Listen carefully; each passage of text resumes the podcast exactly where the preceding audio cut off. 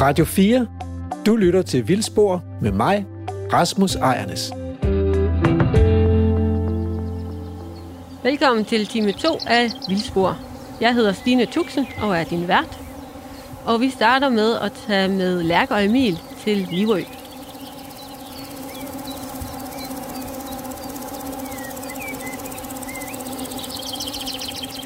Det er mig, der er Lærke Sofie Gleup, og lige nu er du på reportage med mig og Emil Skovgaard Brandtoft. Så skifter det lidt karakter. Ja. Det er vores hede, som er sådan et afgrænset område med rigtig mange selvfølgelig hedelyng. Og de urter og andre planter, der hører med til en hede. Øh, og så rigtig mange enebær. Og tidligere har der været væsentligt større arealer, altså inden at man plantede, nu kan se skoven derovre, der er blevet plantet helt en nåletræer tilbage i institutionens tid, og det har også været hedearealer, øh, som er blevet plantet til. Og når man, kan, når man kommer ind i den nåleskov, der ligger her mod vest, så kan man se enebærende stå, gamle enebær stå, som er nu skygget ihjel øh, langt hen ad vejen. Og det har været tætte, tætte enebærkrat. Så det har været meget udbredt, den der øh, fattige naturtype her på øen. Det blev udpint i alle de år, hvor der var både så mange mennesker. Øh, så. Men den her, den her stump er bevaret, og den plejer vi også med græsning i dag. Man kan se, ene de står ligesom enebærbusken som ligesom små pur, som bliver græsset ned hvert år. Der kan de stå 100 år og blive rigtig, rigtig gamle. Den bliver aldrig større. så spændende areal. Det vi går ind i nu her, vi går væk øh, fra heden, øh, så går vi ind i, i noget, som jeg godt kan finde på at kalde for urskoven. Altså det er et sted, hvor der har været, øh, som er blevet overladt til sig selv, og det er groet til. Og det gælder hele den nordlige del af øen her, skrænterne og, og det, der er op imod her. Når man kigger, så kan man godt se, der er sikkert nogen i anstaltens tid, som har plantet nogle træer, nogle af dem. Her står nogle fyretræer. Øh, så har de ikke gjort mere ved det. Og der er en masse egetræer, de er formentlig kommet med sig selv. Og når vi kommer længere ud, så er der utrolig mange buske af alle mulige forskellige slags hyld og havtorn. Og det står huller til bulter, og det har fået lov til at passe sig selv. Øh, altid. Og øh, det bliver så græsset af vores dårdyrbestanden, vi har på Livø. Vi har jo omkring 100-120 dårdyr. Tror vi nok, gætter vi på. Tror vi, der var en af dårdyrene, der Var der en af dårdyrene, der ja, liste rundt derinde, ja. De elsker jo at gå ind i det her, og, øh, og har det godt. Øh, så, så de gemmer sig i det her til daglig. Men ellers kommer de over hele øen, for de kan frit gå, hvor de er. Og om vinteren, og der ikke er folk, så går de også rundt ned i byen. Øh, så, så de er rimelig håndtamme. Man ser dem jævnligt. Øh, så, og de er jo ja, græsser i det her. De er de store dyr i det her økosystem, som er her med den gamle skov.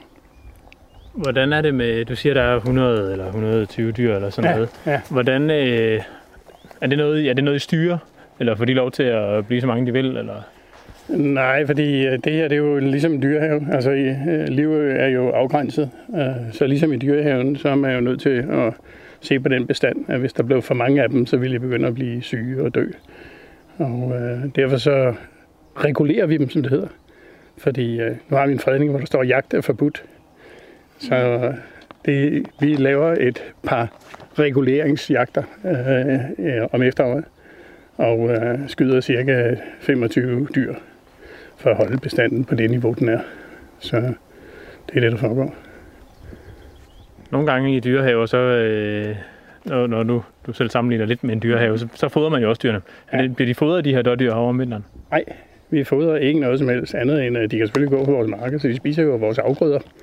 Øh, uh, hvilket landmanden en gang imellem ser lidt skævt til, men øh, sådan er det jo, det er en del af naturen, uh, og de kan godt lide at gå derude. Vi har prøvet at eksperimentere med nogle, der er nogle af de afgrøder, vi har prøvet af derude, som virker som fuldstændig som butik på de der dårdyr. Vi prøvede med sådan nogle lupiner et år, sådan nogle, man skulle bruge nogle, nogle bælfrugter og sådan noget. Det blev fuldstændig splittet af. Altså, der stod de bare ude hele tiden, indtil de der, det var spist op. jeg håber ikke, de fik dårligt mave af det.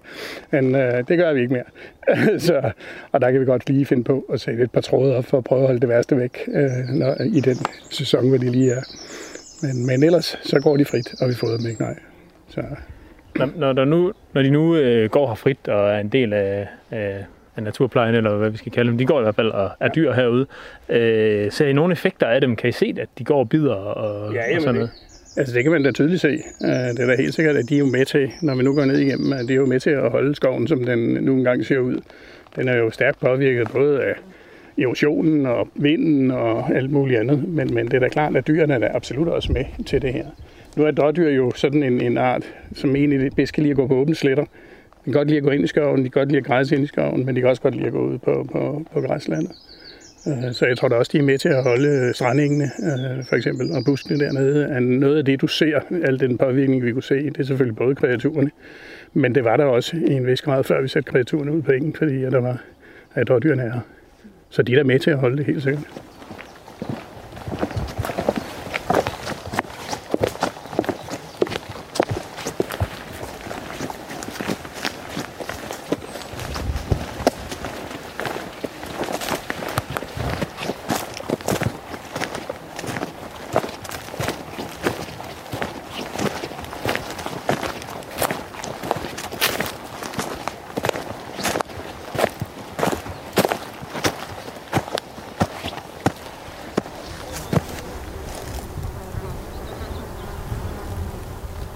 Og der er vi oppe i Nollenborg.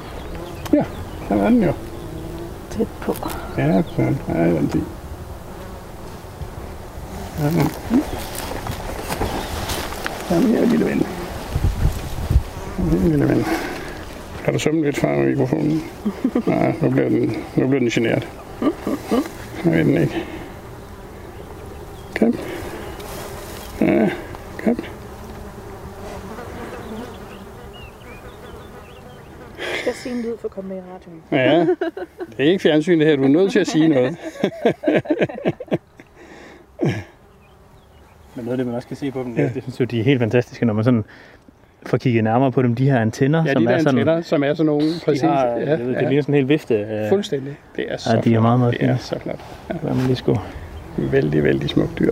tage et billede af den her. Ja, det er jo en hund med den lange læggebrød der tilbage. Den der. Ud og lægge æg. Ja, kom så.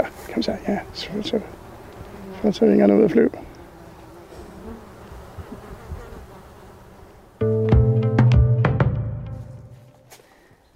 Ja, nu har vi jo gået øh, og kigget en del på egetræer, egentlig på turen allerede, og set de her krogede egetræer, der stod ude langs kysten, som øh, kæmper for at, at holde sig oppe i nordvestenvinden. Men nu er vi kommet lidt mere centralt ind på øen, og jeg tænker, nu står vi jo virkelig blandt Livøs kæmper her med de her kæmpe store egetræer. Hvad er historien bag området her? Jamen, øh, historien er jo, at, at øh, det her, det er oprindelig egeskov. Altså gammel dansk egeskov, som har været her på øen formentlig altid, siden de indvandrede en eller anden gang efter istiden. Øh, og øh, de har jo kunnet øh, klare at overleve al den tid, hvor der har været forskellige former for drift af øen i forskellige tidsalder med landbrug og med institution og, og hvad ved jeg. Der er en, en historie fra midt i 1800-tallet om, der var en driftig mand, som købte øen, og øh, han øh, begyndte at nyttiggøre alt det her egetømmer, så han huggede faktisk en masse egetømmer her i skoven og øh, stablede det op nede ved stranden. Øh, så skulle det jo sejles. Når det så blev forår, så skulle det jo sejles øh, over på fastlandet og sælges. Øh, så gik det hverken værre og bedre, end der kom en storm, og så forsvandt det hele. Der kom simpelthen så mange bølger, så det lå dernede og ventede på at blive skibet ud, og så blev, forsvandt det hele. Så lavede han også et teglværk, og det gik lige sådan. Båden den kendte, og så alle teglsten, de ligger derude i fjorden. Og, og så gik han bankerot på et tidspunkt. Øh, så man har nået at få gravet nogle store huller ned i skrænten, hvor han havde teglværk igen. Så der har været forsøg på at udnytte det. Øh, men, men noget af det, og det er sikkert de grimmeste, de overlevede, de står her tilbage og, og har været her altid, og er virkelig noget af det, som, som jo biologisk er værdifuldt, og det vælter jo. Det er både gamle træer, det er også døde træer, rigtig mange indimellem, eller halvdøde træer, hule og den slags. Så det er jo et fantastisk øh, Eldorado for alt det, som godt kan lide at leve i en naturlig egeskov. Og i institutionens tid har der da uden tvivl, øh, jeg tror ikke, man har fældet træerne, men der har selvfølgelig sikkert også været græsning her, og måske de har haft nogle grise til at gå ud med, ved jeg, øh, rundt i skoven også. Øh, men, men de har jo ikke fældet det og puttet det i ovnen det hele. Så der er gemt den her øh, del af skoven, som, som egentlig er skov, og så viser det sig også rundt omkring i de andre bevoksninger, hvor, de, hvor man så senere plantede bøger og, og nåletræer. Der gemmer sig faktisk en hel del i også. Øh, så dem er vi lige så stille i gang med at pille frem og fjerne dem, øh, de træer rundt omkring, der generer. Og regner med, at, at hele den centrale del af skoven om 40 år kan blive en egeskov, lys egeskov, og øh, det vil blive et helt fantastisk sted. Vi har tidligere øh, talt om, at der nu også er Øh, slået på dyrene ind i eskoven også, ikke? Så, der nu, så der nu er, er skovgræsning med kvæg. Øh, hvad med de der grise, som måske var her tidligere? Kan man få, kan man få et vildsvin at se på livet en dag? Jamen, nu skal man jo aldrig sige aldrig. Øh, så, så, men i øjeblikket er det jo ligesom om, at de der vildsvin, de skal helst blive nede på syd for grænsen øh, for et hegn. Så det der med at sætte svin ud i naturen, det er jo ikke lige... Det er den nuværende situation, men det kan jo ændre sig. Det synes jeg kunne være spændende i hvert fald. øhm, hvor meget, altså, øh, der, der går kvæg herinde en gang imellem og græsser. Hvor, hvor tit er de her? Er det, er det hele året? Eller det, vi har snakket om det tidligere, at de flytter rundt på dem og sådan noget. Gælder det også, øh, gælder det også herinde i skoven? Også her. Altså, den, den, øh, den vigtigste opgave for kvæget her, kan man sige, det er jo at prøve at holde det lidt lyst. Og øh, truslen her, det er jo, at øh, der findes ær i skoven, og de sover sig. Og øh, selvom vi jager dem og prøver at finde alle dem og, og få dem udryddet, øh, Øh, så kommer der alligevel opvækst af ær. Der sover også nogle nede i byen. Det er svært at fuldstændig udrydde dem på øen og de spreder sig langt, de frø. Så derfor kommer der ahorn op i skoven, og, de vokser jo lige op gennem ekronernes skyggemiel. Så dem vil vi meget gerne have spist af kreaturerne. Og er de blevet for store, så skal de skæres ned, og så skyder de. Og så skal kreaturerne helst tage ind, lige når de øh, springer ud de første 14 dage, 3 uger øh, om foråret. Så der er de søde og sprøde. Der vil de gerne spise dem, øh, og så kan vi få slået 90 procent af dem ihjel. Så de tjener absolut et formål der, ja. Mm. Så kan vi godt sende dem ind senere på året, men der er ikke så meget mad i hende. Øh, så, så det er ikke så længe, de skal gå, kan man sige. Når vi sådan, øh, når vi sådan går rundt her, alt det vi har set i dag, så, så forestiller jeg mig, øh, jeg forestiller mig, hvordan det ville være, hvis det hele var en stor hegning. Og hvordan det, hvordan det ville være, hvis, hvis dyrene selv kunne bestemme, hvornår de gik herind, og, og, og man kunne måske forestille sig, hvis de der ahorn er smager rigtig godt om foråret, at de så helt automatisk selv ville opsøge dem og, og få dem spist. Tænker I sådan nogle baner? Jamen, det ved jeg jo, der er nogen, der tænker. Altså, det har jo været oppe til debat, det her med, om, om der skal være vildgræsning i stedet for på Livø, om det skal være vildt. Uh, I øjeblikket tænker jeg ikke i de baner, fordi i øjeblikket har vi nogle andre uh, hvad skal man sige, retningslinjer, vi arbejder efter. Øh, og hele, hele meningen med det, vi laver på Livø. Altså det er noget af det, nu har jeg været chef for det i 16 år. Jeg har gået meget og tænkt over det her. Hvorfor laver vi egentlig, hvorfor render rundt og laver landbrug på en øde? Hvad fanden går det ud på? Eller ikke en øde, men, men en ø. Øh, hvis der skal være en mening i det, øh, og i det hele taget med, at staten driver landbrug, så skal det jo ligesom have et formål. Og, øh, for gammel, og det er jo igen noget med historien. Altså, hvis man går tilbage, siden jeg blev ansat, så havde vi jo en hel del landbrugsarealer. Og det er jo noget historisk, at, at næsten alle dem, der var ansat, altså for eksempel mig, der bor i en tjenestebolig, jamen vi havde et stykke jord, vi kunne drive. Det var en del af lønnen, hvis vi går tilbage bare til 60'erne og 70'erne. Så var det en del af lønnen, at man havde et stykke jord, man kunne drive. Så det hed tjenestejord. Og derfor havde vi en hel del landbrugsarealer. Øh, det blev der så lavet om på i, i, hvad hedder det, i 90'erne, da Svend Augen han var minister. Han besluttede sig, at alle vores, de landbrugsarealer, vi havde, de skulle være økologiske. Dengang var der meget snak om økologien, man skulle give økologene, økologien et puff, og han ville gerne hjælpe til, at det gik i den retning. Så vi fik at vide, at alle vores landbrugsarealer, de skulle nu lægges om til økologi. Og det gik vi jo ind i allerede der i starten 91, øh, blev det til økologisk landbrug her på stedet. Øh, og øh, jeg synes jo, da jeg kom, også før det, at, at, at jamen, det er ikke nok bare at drive økologisk landbrug på en ø. Det skal jo ligesom have en, en mening. Og øh, derfor så lavede vi det til et demonstrationslandbrug. Vi vil gerne vise andre, være inspirationskilde, et sted, hvor folk kunne komme, blive inspireret, især økologer, og se, hvordan kan man bygge, hvad skal man sige, samfundet, hvordan kan man lave det samspil mellem menneskets virke og naturen. Sådan så er det til gavn for naturen, men mennesket skal også være det. Mennesket er en del af fortællingen. Og det havde vi en chance for her på Livø, hvor landbruget kun var en mindre del af øen, men naturen var stor. Og der er det samspil mellem, at vi skal bruge dyrene ude i naturen for at pleje naturen, for at passe på de ting, som Natur 2000-området ligesom skal tage vare på, de naturtyper, der er. Og mange af dem er jo dynamiske, de udvikler sig et andet sted hen. Hvis vi ikke passer på dem, så hele det koncept ligger jo, at man skal pleje naturen. Og det passede godt med et økologisk landbrug, og så kastede vi os ud i det med demonstrationer, og så har vi været med til at udvikle en hel masse gamle kornsorter, spælt og em og alt muligt andet, som er kommet ind i økologien også. Det er blevet, har vi været med til at lægge skal man sige, arealer til, at det er blevet udviklet øh, i Danmark. Der var ingen andre, der ligesom kastede sig over de der ting. Fordi at vi synes, der skulle ligesom være en mening med, hvorfor vi drev landbrug her. Og nu er det jo nu er det stået på så længe, så nu er det jo nærmest blevet en institution i økologiske kredse, ikke? At, at man kommer til Livø. Øh, vi har 2.500 mennesker fremvisninger hver, altså mennesker, der kommer over, og vi går rundt og fortæller, og bunden fortæller om, hvad vi laver her. Og vi tænker rigtig meget over sammenhængene mellem naturen og landbruget. Så det første hedder det her natur og mennesker. Hvordan er samspillet? Mm. Og derfor det der med vildgræsningen er jo ikke noget, vi har tænkt ind i den sammenhæng, fordi det er jo ligesom, sådan det ofte bliver præsenteret i hvert fald, natur uden mennesker. Og øh, det har vi ikke haft tidligere, men bliver det besluttet, så er det selvfølgelig det, vi laver. Vildgræsningen er i hvert fald i høj grad en, øh, en natur uden styring. I hvert fald. Det er jo selvfølgelig øh, øh, mange steder er tankerne jo også, at der skal, vi skal kunne stå i skoven, ligesom vi gør nu, ikke? og så kan det så være, at vi er heldige at møde en, øh, en ko eller en hest, eller, eller hvad det måtte være. Øh, men, men noget af det, som øh, noget af det, som også er interessant sådan et sted her, og noget af det, som, som øh, hvor jeg tænker, at, at dyrene kunne spille en rolle, øh, hvis de fik lov til at, at være her endnu mere inde i sådan en skov her, for eksempel. Det, det handler også om at få, få lysnet det endnu mere op, og øh, der, noget hjælper selvfølgelig, når de der gamle nåletræer og alt det der, vi, vi har snakket om, at det kommer ud, og så bliver det sikkert stille og roligt mere, øh, mere åbent. Øh, men mange steder, der, der er dyrene også med til at, at skabe de der små lysninger inde i, inde i skoven. Ikke?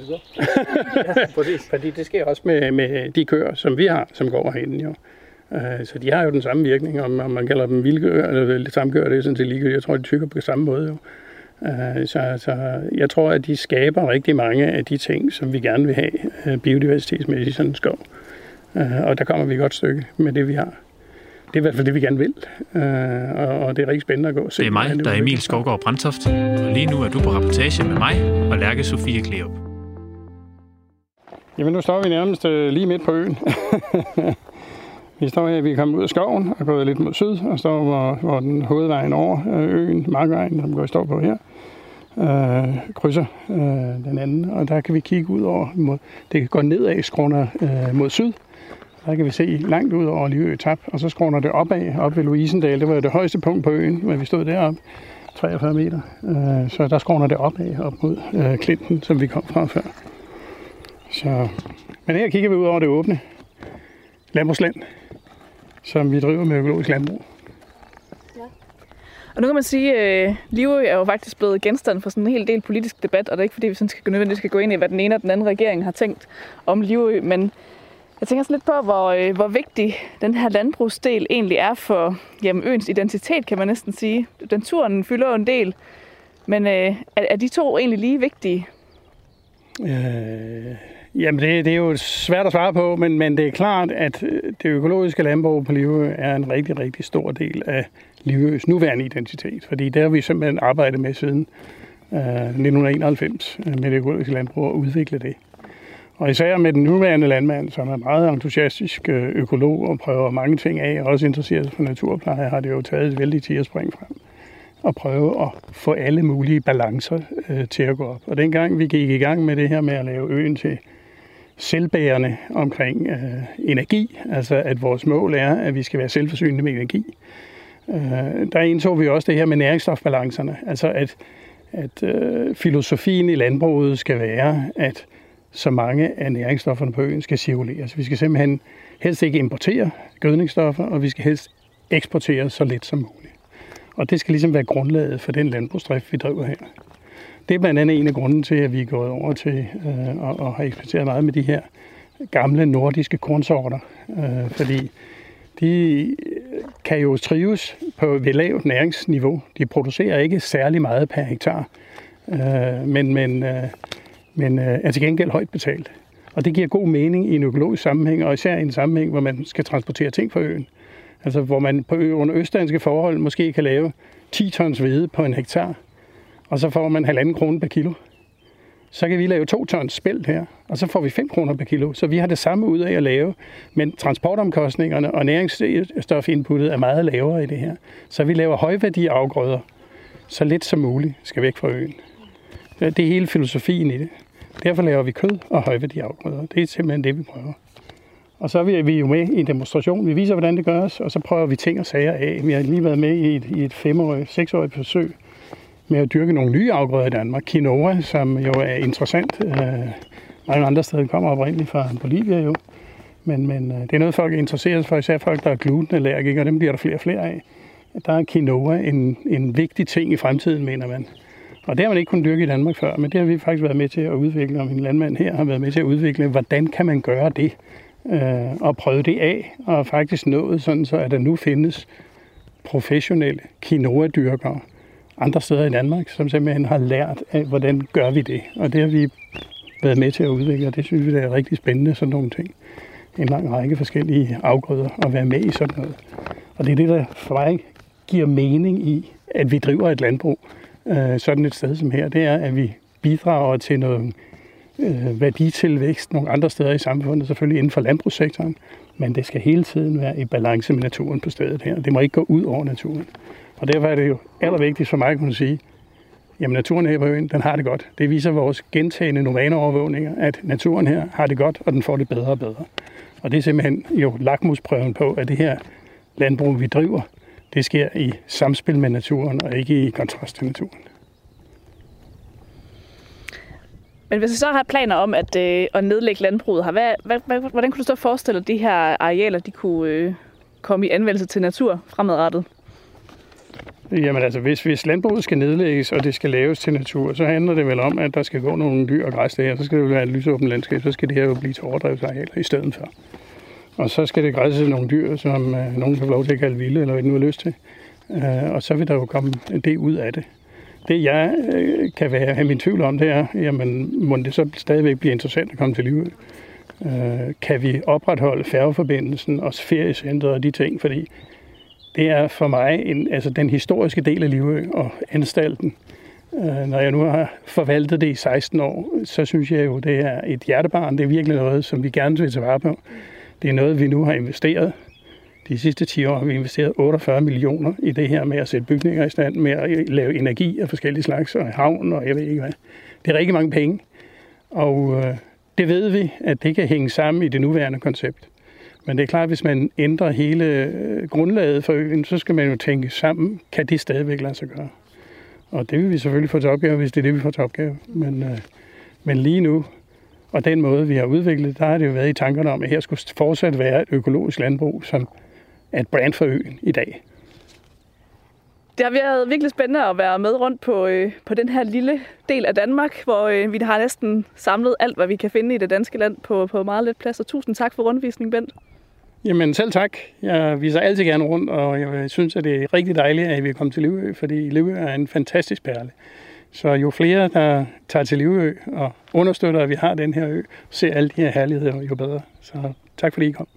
Den anbefaling er givet videre til Vildspors lyttere, og nu skal vi så gengæld også skynde os ned til en færge.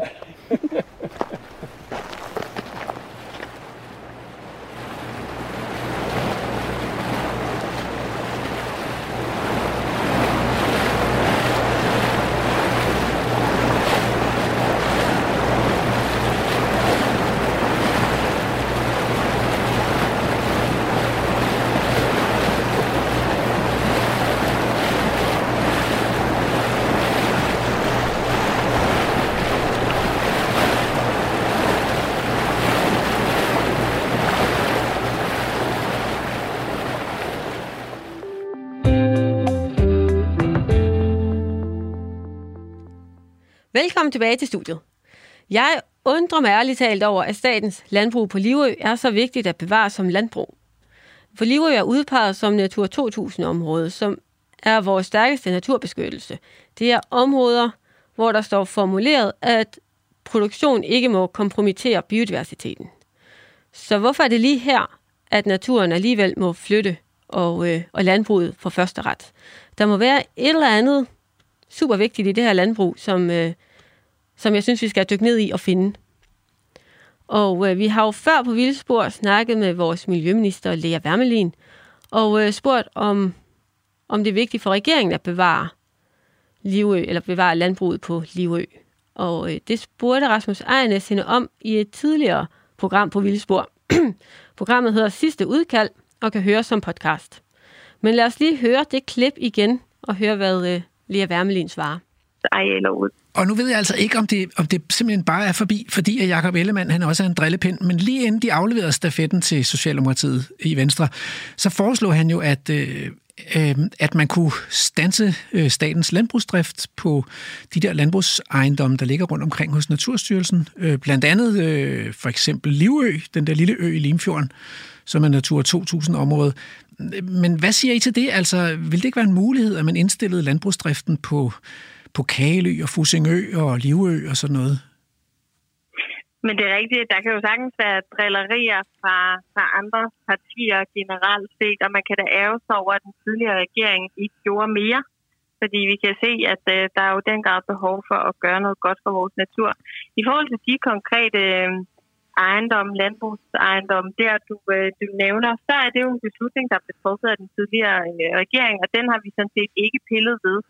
Men, øh, men det er rigtigt, der er jo så også nogle stemmer, der efterlyser, at vi skal kigge på det, og det vil jeg da generelt og som udgangspunkt ikke afvise, at man skal gøre, hvis der er nogen, der kan tænke nogle kloge tanker øh, mm. på det. Det lyder ikke som om, det er en kernesag for regeringen at bevare det her landbrug.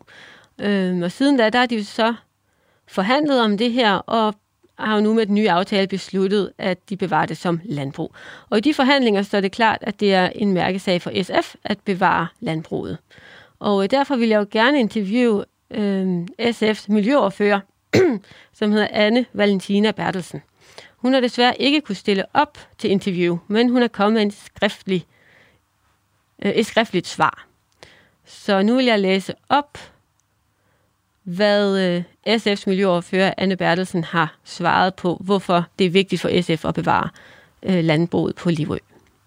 Hun skriver, Livø er et økologisk demonstrationslandbrug som viser vejen for, hvordan landbrug og natur kan eksistere side om side med hinanden. Det er utrolig vigtigt, fordi vi har brug for at udvikle dansk landbrug i en retning, som ikke skader naturen. Vi kan ikke blive ved med at udvide det animalske konventionelle landbrug, og det er nødvendigt at se i øjnene, at naturens kvaler i mange tilfælde stammer fra landbruget. Men eftersom det har lange udsigter at nedlægge dansk landbrug helt, skal vi bruge mange kræfter på at skubbe landbrugets udvikling i retning af den sameksistens med naturen, som man forsker i på Livø. Derfor har det været vigtigt for SF at bevare Livø, så vi kan vise vejen for landbruget i fremtiden. Og helst skal forskningen på Livø også kvalificeres bedre. I stedet har vi jo så fået forhandlet igennem, at der skal udlægges et alternativt naturområde, i stedet for det, der var tiltænkt på Livø, hvilket vi har afsat 10 millioner kroner til. Vi har et konkret areal i tankerne og er i dialog med sælger, men vi kan ikke sige noget om beliggenheden, før han er gået igennem. Det var især vigtigt for mig og for SF, at der skulle et alternativt naturareal til, hvis Livø skulle bevares, så vi ikke tager nogle skridt baglæns i arbejdet på at udlægge meget mere natur i Danmark. For os handler det om både at gøre landbruget mindre, mere økologisk og naturvenligt, imens vi lærer af steder som Livø, samtidig med, at vi sikrer mere vild og sammenhængende natur over hele landet. Begge dele er nødvendigt, hvis vi skal stoppe biodiversitetskrisen. Citat slut. Så, så det er den her forskning i at få et landbrug i pagt med naturen, eller en landbrug, der ikke skader naturen, som Anne formulerer det. Og det her ønske om, at øh, landbruget også kan rumme vild natur, den deles også af blandt andet DOF, øh, Dansk Ornitologisk Forening, som ønsker et landbrug med rigere fugleliv, end vi har i dag. Og jeg vil gerne høre mere om, hvordan sådan et landbrug øh, skal se ud. Hvordan forestiller de sig, at det skal udvikle sig, så der bliver plads til mest mulig biodiversitet på landbruget, så arealerne. Så øh, jeg vil hermed ringe til øh, Henrik Weidling, som er næstformand i DOF, og høre, hvilket landbrug han ønsker at arbejde for. Ja, det er Henrik. Hej Henrik, det er Stine Tuxen fra Vildsborg. Ja, hej med dig. Hej. Hej, må jeg forstyrre et par minutter? Ja, ja, jeg lukker lige døren for, at vi kan få for meget støj. Så. Ja, tak. Jo, vi snakker jo om det med natur i, øh, i Agerlandet, og hvor meget ja, man kan ja. tilgodese øh, de, de vilde arter i vores, landbrugs, vores landbrugsland. Og øh, det var også noget, jeg arbejdede med i DOF, så jeg kunne godt tænke mig at høre, hvordan ser jeres drømmelandbrug ud? ja, altså vores drømmelandbrug har jo selvfølgelig taget vidtgående hensyn til de arter, som på den ene eller anden måde er knyttet til, øh, til landet. Øhm, det er jo sådan, at i den sidste revision af rødlisten, så poppede der faktisk syv arter op, som var levestedskategoriseret som, øh, som knyttet til faktisk direkte til marked omdrift. Og det var arter jo som, som vagtel og vibe og hedehy samlærke, Så de er knyttet til dyrkningsarealerne, eller arealerne omkring dyrkningsarealerne, eller hvordan? Dyr, altså det er så dem, der er knyttet direkte til mark i omdrift, altså til dyrkningsarealerne. Ja. Derudover så er der jo et, en, et meget bredt register af arter, som øh, jo i virkeligheden jo nok øh, skov, eller i hvert fald skovbrynsarter, som jo så trives i, i en vis udstrækning i, i de levende hegn, så er der så nogle clashes mellem nogle af arterne, som for eksempel vibe og vibe og sanglærke. De er, de er hegnsfornægtere. de vil ikke yngle i nærheden af hegn. Nå, man kan ikke okay. stille alle tilfreds på én gang. Men, øh, men øh, man, ved at øh, opnå et divers landskab, så kan man, så kan man altså med, med et stort indhold af forskellige øh, biotopstyper, så kan man faktisk tilfredsstille en række forskellige arter, så øge artsantallet eller bringe artsantallet tilbage på noget, det var engang. Ja. Øhm, og det mener vi, kan det så gøre, dels ved at tænke over driften, men selvfølgelig også ved at tænke over udtag, altså ekstensivering, ved at sikre, at der er nogle pletter op og områder, som ikke dyrkes intensivt. Ja, så man tager nogle pletter og nogle områder ud af drift. Plus og så at man, man tænker hensyn. over det i driften ja. for de arter, som er knyttet til mark i omdrift. Altså her tænker jeg så specielt selvfølgelig på, på arter som, som vagtel og vibe og sanglærke. Der simpelthen lever ude imellem. Altså ude på dyrkningsfladerne. Som er på dyrkningsfladerne, ja. ja. Og hvorfor er det vigtigt, at vi bevarer naturen herude i Agerlandet? Kan vi ikke bare nøjes med at have de der store øh, naturnationalparker, der bliver lagt ud?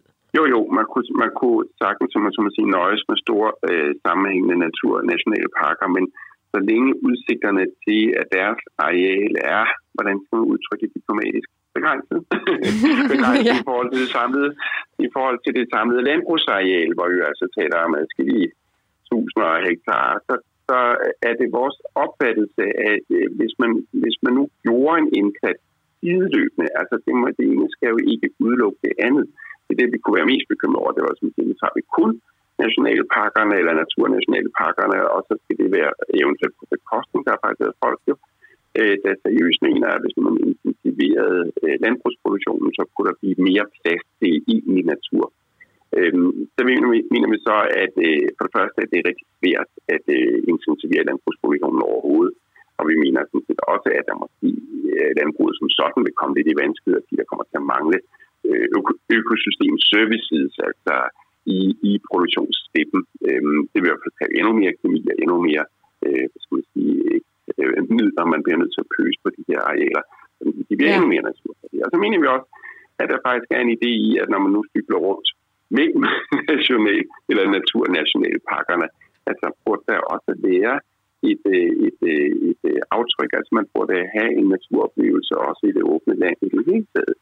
Det er jo så ud fra sådan en ren antropologisk udtænkt, altså at menneskerne også skal have det godt. Ja, det er sjovere at, at, at bo i et naturrigt land, hvor, hvor vi også ja. oplever natur lige uden for hoveddøren. Ja. Og, og, altså, jeg tror nok, vi har en god pointe i, at det behøver ikke være et enten eller, men at det faktisk godt kan være begge dele, fordi de indsatser, som er nødvendige i landbrugslandet, er ikke nødvendigvis særlig omkostningstunge. Det er i virkeligheden sådan, at mange af dem kunne løses bare gennem den styring, som ligger i tilskudsordningerne. Øhm, og, og, og de flyder jo, uanset om vi vil eller ej, til landbruget. Øh, ja. Og, og ved den næste revision af kappen, altså landbrugsreformen, der vil der jo blive øremærket nogle midler, altså at det som ellers var, var grundbetaling, som man fik ned i lommen bare for at eje en, en hektar, så får man par tusind kroner. Nu skal en tredjedel af dem øh, på en eller anden måde øh, godt, det skal godt gøres, at man så også gør et eller andet godt for biodiversitet eller for CO2. Eller Okay, for, så der kommer for- nogle øgede krav til landbruget i... Ja, i den dem, her retning. det, det vil sige, at, øh, at de penge er der, og dem, de, de vil flyde til landbruget, og så var det måske en meget god idé at tænke over, hvordan skruer vi så øh, de tilskudsordninger intelligent sammen, så man kunne få, få plads til, øh, til de her arter. Ja, super. Så en, en indsats i A-landet for, for de arter, vi har her omkring, både på dyrkningsfladerne uden for dyrkningsfladerne, og øh, samtidig en indsats for de store øh, sammenhængende vilde naturområder. Ja, ja, det Ja. er der ingen tvivl om, vi skal Alle have tryk på. Så øh, vil jeg slutte af med det. Mange tak skal du have, Henrik. Du er så velkommen. Tak, tak. Tak. Hej. Hej. Du lytter til Radio 4. Så vi kan altså tage nogle naturhensyn i landbruget. Men regeringen vil jo gå videre end det med Livø. Der ønsker de landbrug i samme eksistens med naturen, som ikke skader naturen. Og det kan man jo ikke sige om landbruget i dag. Men nogle hensyn kan vi tage. Lad os prøve at snakke med landbruget, hvad de mener om, øh, om regeringsplaner med Livø. Jeg vil ringe til Lone Andersen, viceformand for Landbrug og Fødevare. Ja, det er Lone. Hej Lone, det er Stine Tuxen fra Vildsborg. Ja, hej. Hej, må jeg låne dig to minutter? Ja, det kan du tro. Tak skal du have. Jeg skal lige hen i et lokale. Ja, helt i orden. Ja. Super. Jamen, øh, regeringen vil jo gerne bevare øh, deres øh, forsøgslandbrug på Livø. Og det skal vise, hvordan landbruget kan udvikle sig til at eksistere i samme eksistens med naturen, og et landbrug, som ikke skader naturen. Og så vil jeg høre, hvor realistisk, øh, hvor realistisk synes I som landbrug, det er som målsætning? Jamen altså, som, øh, som landbrug fra Landbrug Fødevare, der støtter vi jo, at man øh, laver noget biodiversitet på statens arealer. Men vi er jo også glade for, når der bliver lavet nogle forsøg på nogle gårde. Og i selve den der sag, det er ikke en sag, vi øh, som sådan blander os i. Vi vil jo bare gerne, at der bliver, det bliver klogere på, øh, både hvordan man kan samarbejde med landbrug og, og biodiversitet. Og, Ja, og hvad ser I muligheder for, at landbruget kan tilgodese biodiversiteten? Vi øh, ser jo mange muligheder for, hvordan vi kan hjælpe med at udvikle biodiversiteten. Det gør vi ved, at vi øh, jo går ud og laver noget ude i den, i den lille natur, eller ude i, i landbrugsarealet med, med blandt andet med vores bikampagne, med øh, læhegn og stendiger og hallersten og, og øh, ja, simpelthen rundt om markerne, øh, at vi kan ske, at kan ske noget mere. Der kan vi blive meget klogere på at gøre noget mere for biodiversiteten. Der kan vi hjælpe vores landmænd med at blive klogere på det, og det er jo i hvert fald i, det går i den rigtige retning nu her. Ja. Så, øh, så på den måde kan, kan vi hjælpe med det i den, i den hensyn. Er der nogle øh, begrænsninger, tænker du i, hvor landbruget kan, øh, hvad landbruget kan bidrage med i forhold til biodiversitetskrisen? Er der noget Ja, natur, vi det er der jo. Ja, altså der er jo nogle begrænsninger, fordi at øh, vi er jo ikke, øh, det er jo statens arealer, de større sammenhængende øh, arealer, hvor der også er bedst natur på, så der kan vi jo ikke, vi kommer ikke til at øh, gå ind altså på selve dyrkningsareal, hvor vi har vores øh, effektive landbrugsproduktion. Øh, det er jo ikke der, den store øh, øh, øh, biodiversitet udvikles, men vi er jo meget øh, interesseret i også at gå ind i en dialog i at tage og i at passe øh, afgrøder, øh, i, undskyld, øh, passe øh, arealer, som blev taget ekstensive arealer blev taget ud, men også at det, men også i, i tager nogle, øh, nogle jord ud måske til noget multifunktionel jordfordeling, hvor man går ind og øh, øh, gør det frivilligt og med, med fuld kompensation. Så vi er meget øh, øh, interesseret i at, at hjælpe med det her. Vi er øh, meget ja. enige i, at vi har en rigtig stor udfordring, men øh, det skal foregå frivilligt, øh, hvis man skal tage noget jord ud. Ja og, og mod fuld kompensation. Og så var du også, sagde du tidligere her, interesseret i, at staten også laver nogle, nogle forsøgslandbrug og forsker i at udvikle dansk landbrug. Øhm, og så vil jeg høre, hvad, hvad har I brug for, at der bliver forsket i? Jamen, vi har da brug for, at der bliver forsket i, at øh, hvordan vi kan gøre det bedre. Vi, øh, vi ved jo rigtig meget om vores, øh, vores afgrøder, og vi lytter rigtig meget til, hvad, hvad vi så skal gøre. Vi, vi øh, lytter meget til, hvordan man kan gøre det i, i samarbejde med, altså med biodiversiteten, hvordan vi kan det som, som landmand. Ja. Og vi lytter meget til forskerne også. Så øh, om hvad vi har brug for, at der bliver forsket i, jamen det er, hvordan vi kan gøre det sammen, hvor vi kan både have en konkurrencedygtig landbrug, og gøre noget ekstra for biodiversiteten. Det er vi meget interesserede i, hvad vi kan gøre, fordi så er vi så klar til at hjælpe med det. Det lyder rigtig godt. Og øhm, har Livø bidraget til det, eller er det vigtigt, at det foregår lige præcis på Livø? Kunne vi ikke flytte det et andet jeg sted har hen? ingen måske? kendskab. Jeg har ingen kendskab til øh, selve casen med Livø, men vi er meget klar til at lave noget mere biodiversitet her i Danmark. Øh, det kan jeg love dig med, vi er som land. Det lyder rigtig godt. Og det bliver der helt sikkert også brug for, hvis vi skal have ud af den krise her. Øh, Det er der slet, slet ingen tvivl om, og jeg kan jo se det hjemme på min egen landbrug, øh, hvor, jeg, hvor vi er begyndt at gøre nogle andre ting. Altså man skal jo ændre, det er nogle rutiner, man skal ændre, man skal ikke klå så meget. Og det kan godt være rigtig svært at, øh, at ændre for landmænd, men det er en holdningsændring, og det er noget viden, vi skal have om det, og en anerkendelse af, at det er helt okay, at øh, græsset bliver noget højere, og at man først slår det, når øh, det er blomst- afblomstret. Ja. Det er øh, svært at få, øh, få landmændene til at helt, og mange er, er med på det, men der er jo også nogen, der ikke er. Så det er en holdningsændring, den arbejder vi rigtig meget på at, at ændre, så vi kan få nogle flere insekter og, og øh, dyr også Super, omkring det lyder godt. Nu vil jeg ringe til Jørgen Olesen, institutleder på Institut for Agroøkologi på Aarhus Universitet. Og lyden her er en lille smule anderledes, fordi jeg laver interviewet hjemmefra. For det lykkedes ikke at komme igennem, da vi optog i studiet. Ja, det er Jørgen Olsen. Hej Jørgen, det er Stine Tuxen fra Vildspor. Må jeg Hej. forstyrre et par minutter? Ja, Det lyder godt, tak skal du det have. ikke er vildveje. Jeg skal gøre det hurtigt. Jeg vil gerne, jeg vil gerne høre lidt om, øh, om det her forsøgslandbrug, som staten har ude på Livø. Øh, jeg vil gerne Men høre... det er vel ikke et forsøgslandbrug, det er et demonstrationslandbrug, er det ikke det? Jo, det er måske rigtigt. Der ved du måske mere, end jeg gør, hvad forskellen er. Jeg har lige kigget på nettet, ikke? Ja, Øh, og der kan jeg jo se, at der er et økologisk demonstrationslandbrug på Læsø. Ja, altså på Livø. Nej, jo ikke lægger på. Nej, Livø. Er det ikke Livø, vi snakker om? Jo. Undskyld. Helt Ja. vildt.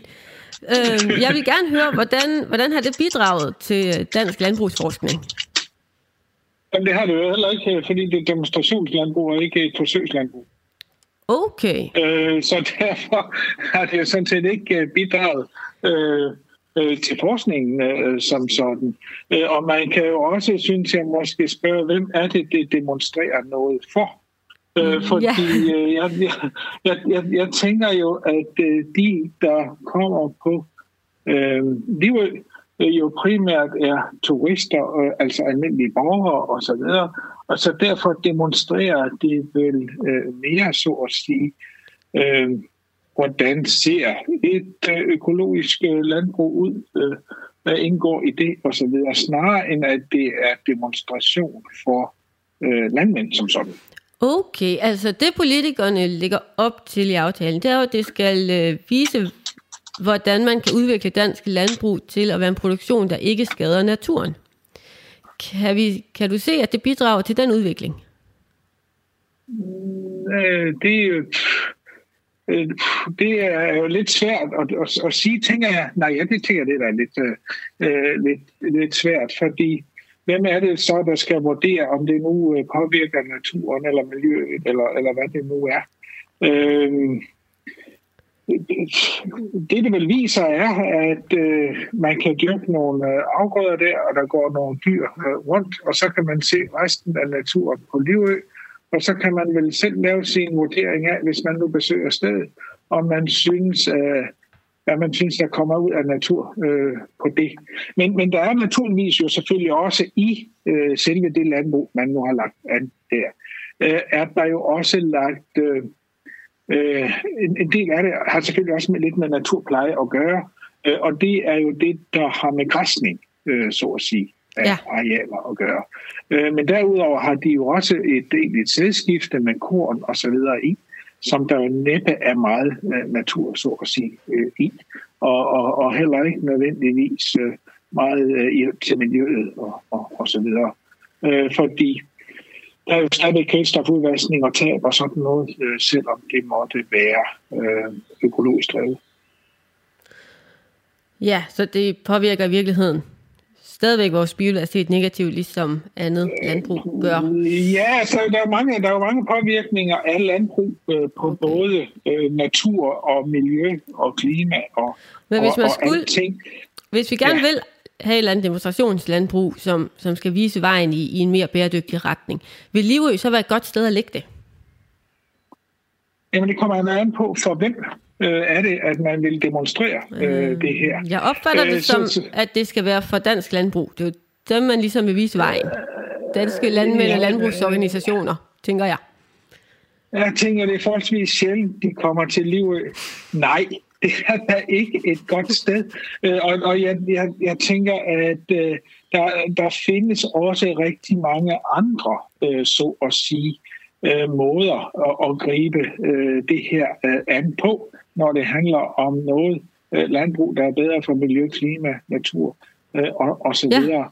Øh, Og, og bare lave et, et, så at sige, design, et landbrug, forholdsvis traditionelt, vil jeg så sige økologisk, der, der ligger på, på livet, tegner heller ikke nødvendigvis øh, øh, fremtid øh, for det alt sammen. Øh, fordi der, der skal på alle måder øh, nogle nye boller på suppen, øh, hvis vi skal have øh, noget landbrug, øh, der er øh, bedre i pagt med både klima, miljø og natur. Øh, og, og, og det får man ikke med det nuværende demonstrationslandbrug på Livø, der er ganske traditionelt tænkt. Okay, det er jo lidt interessant. Hvad vil du så umiddelbart anbefale, at man gjorde i stedet for?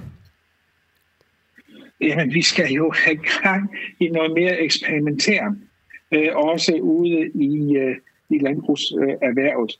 Øh, og meget gerne også i samspil øh, med øh, forskning og også i øvrigt den meget aktive landbrugsrådgivningssektor, vi har i, landet her i landet, der jo også ser på nye veje fremad. Øhm, så vi, vi, skal, vi skal ud og lave nogle levende laboratorier ude hos landmænd rundt omkring i landet, fordi det, der jo også er vigtigt, så at sige, er, at de her levende laboratorier øh, øh, ligger øh, spredt, øh, så øh, der er en nærhed øh, også øh, til andre land, øh, landmænd om. Og der skal man jo eksperimentere med noget af det, der også peger fremad. Ja. Øh, og hvis vi nu tager noget af, af, af det, øh, vi øh, som mange landmænd, en del landmænd, og faktisk også både økologisk og, og, og konventionelt eksporterer lidt med i øjeblikket, det er undlade at pløje. Øh, og, og så også have en større afgrødedække øh, hele året rundt øh, på markerne. Okay, Øhm, så, Det øh, bliver mange steder kaldt conservation agriculture osv. Så, som jeg kan se de billeder, øh, der nu så findes fra livet, så er det ikke lige den øh, approach. Der bliver stadigvæk, øh, der bliver stadigvæk pløjet en hel del øh, derovre. Godt. Øh, så der, der, er, der er meget øh, nyt i gang, som man ikke nødvendigvis lige ser, tror jeg, i landbruget på livet, selvom det ser da ganske smukt ud derovre. mange tak skal du have. Jørgen, nu løber jeg tør for tid her, kan jeg se. Men, godt, men øh, mange tak skal du have. Du lytter til Radio 4. Øh, Lad os høre noget mere om, hvad det er for en forskning, der foregår på Livø. Derfor vil jeg ringe til Hans Henrik Brun, som er lektor på Biologisk Institut på Københavns Universitet. Han har været på Livø, må kunne gøre os klogere på, hvad der sker af vigtige ting på Livø. Det er Hans Henrik Brun. Hej, det er Stine Tuxen fra Vildspor. Ja, hej. Hej, Hans Henrik. Vi snakker om Livø, og den, øh, det landbrug, der foregår på Livø, som har det formål at udvikle dansk landbrug på en, i en retning, hvor landbruget ikke skader øh, naturen. Og øh, så vil jeg høre, hvor realistisk en målsætning vil du synes, det er? Øhm, jamen altså, man, landbrug i sin grundvold går jo ud på at, at øh, dyrke, øh, dyrke fødevarer. Øh, og, øh, og det er jo sådan, at når vi udnytter, naturgrundlaget, så forsimpler vi økosystemerne og erstatter den, øh, den vegetation, der vil være, de planter, der vil være, de dyr, der vil være, med noget, som er nyttigt for os. Det er det, landbrug går ud på i sin grundvold. Og, øh, eller grundprincip. Og, og det kan man selvfølgelig gøre på lidt forskellige måder, men det er stadigvæk, det er stadigvæk varianter over landbrug, og det er nogle gange øh, noget andet end vild natur. Og der vil være øh, rigtig, rigtig mange, langt, langt den største del af vores flora, fauna og, og funka, kan ikke eksistere på, øh, på dyrkede marker. Så det, øh, det er lidt oppe bakke. Øh, selvom man kan give mere eller mindre plads, til, øh, til ukrudt og, og andet i, i landbrugsarealerne, så er, det, så er det kun en meget lille forskel i forhold til øh, hvad skal man sige, hele udtrækket af vores flora fauna. Okay, ja. Øhm, så er der det her med, ligesom at to strategier virker det til. Mm-hmm, øhm, ja. Det virker meget som om landbruget, rådgivningen går ind for, at man ligesom har, man dyrker dyrkningsfladerne, og så øh, til gode ser man naturen på øh, arealerne uden for dyrkningsfladerne. Man ligesom deler det op. Og, øh, Ja, det er jo to, dybest, dybest set to forskellige strategier, som du kalder det. Øh, man kan ligesom øh, forsøge at smøre indsatsen tyndt ud over hele, altså indsatsen for, for de vilde arter tyndt ud over, over hele øh, dyrkningsfladen, eller man kan koncentrere det, så man ligesom separerer funktionerne og siger, at her har vi landbrug, og her har vi så på nogle andre arealer natur. Ja. Og øh, det er mit indtryk på Livø, at der, kører de, der forsøger de at finde en landbrugsmodel, som, øh, som får landbrug og natur til at fungere på de samme arealer. Ja, det er de, de ord, som jeg har øh, stødt på eller lagt øh, dit mærke i, de bruger om det. Det er jo sådan noget øh, harmoni med landbrug i harmoni med naturen. Og øh, det findes altså ikke. Det, jeg, det vil være smukt og, og fantastisk, hvis det gjorde, men, men det findes simpelthen ikke i virkelighedens verden. Men det er jo også meningen, at Man kan- forske sig frem til det. Øh, Ja, altså det ved jeg så mindre om, øh, om, om hvad der egentlig foregår i forskning. Jeg har, jeg har let efter det, øh, men ikke fundet noget forskning. Hvad ville naturen så have brug for, at vi forskede i, hvis vi skulle forske i et landbrug, som tager mest muligt hensyn til biodiversiteten? Ja, altså, man kan jo godt, man kan jo godt tage diverse hensyn, men, men dybest set vil jeg sige, hvis jeg skal koge forskningsanbefalingerne ned til, øh, til nogle få, øh, få punkter, så er det at øh, skille funktionerne ad så meget som muligt.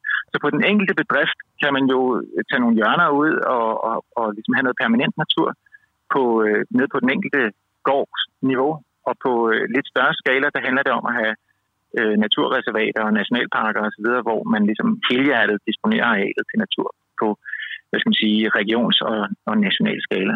Og det er lidt det modsatte af det her med at få småt indsatsen tyndt ud, det er sådan set at koncentrere indsatsen.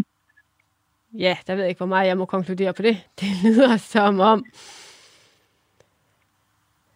at det landbrug, der foregår på, på Livø i virkeligheden, skubber i en forkert retning i forhold til, hvad I vil anbefale for, for biodiversiteten.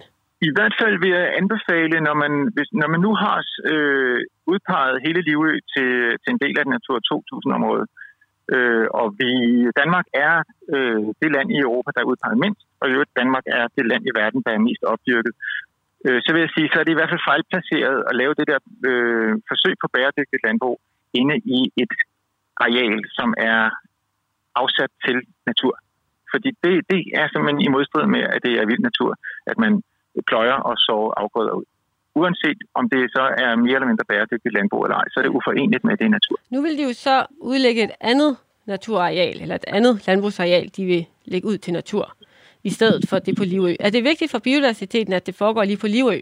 Er det ikke fint, at vi bare flytter det? Øh, altså, man kan sige, at det, det, som der er brug for i Danmark, det er, at vi, øh, at vi tager vare på naturen i det, som faktisk er udpeget til natur. Fordi det, det har vi været super dårlige til. Øh, at starte fra den øverste hylde, og så i prioriteret rækkefølge dernede af.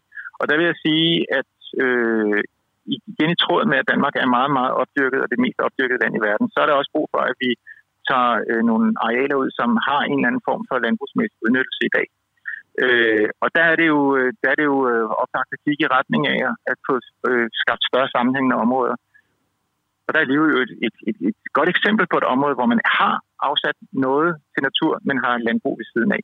Så der, det er jo et område, hvor man har øh, fantastiske chancer for at, øh, at skabe et, et sammenhængende naturområde. Ja. Og det er statsejet det hele i øvrigt, så vi skal ikke... øh, Det er statsejet, der vi skal ikke noget. købe det som, som, fælles, øh, som fælles samfundsfællesskab. Så kan vi ikke først købe det, vi ejer det allerede i. Godt. Ja, mange tak skal du have, Hans Henrik. Velbekomme. Tak. Hej. Hej.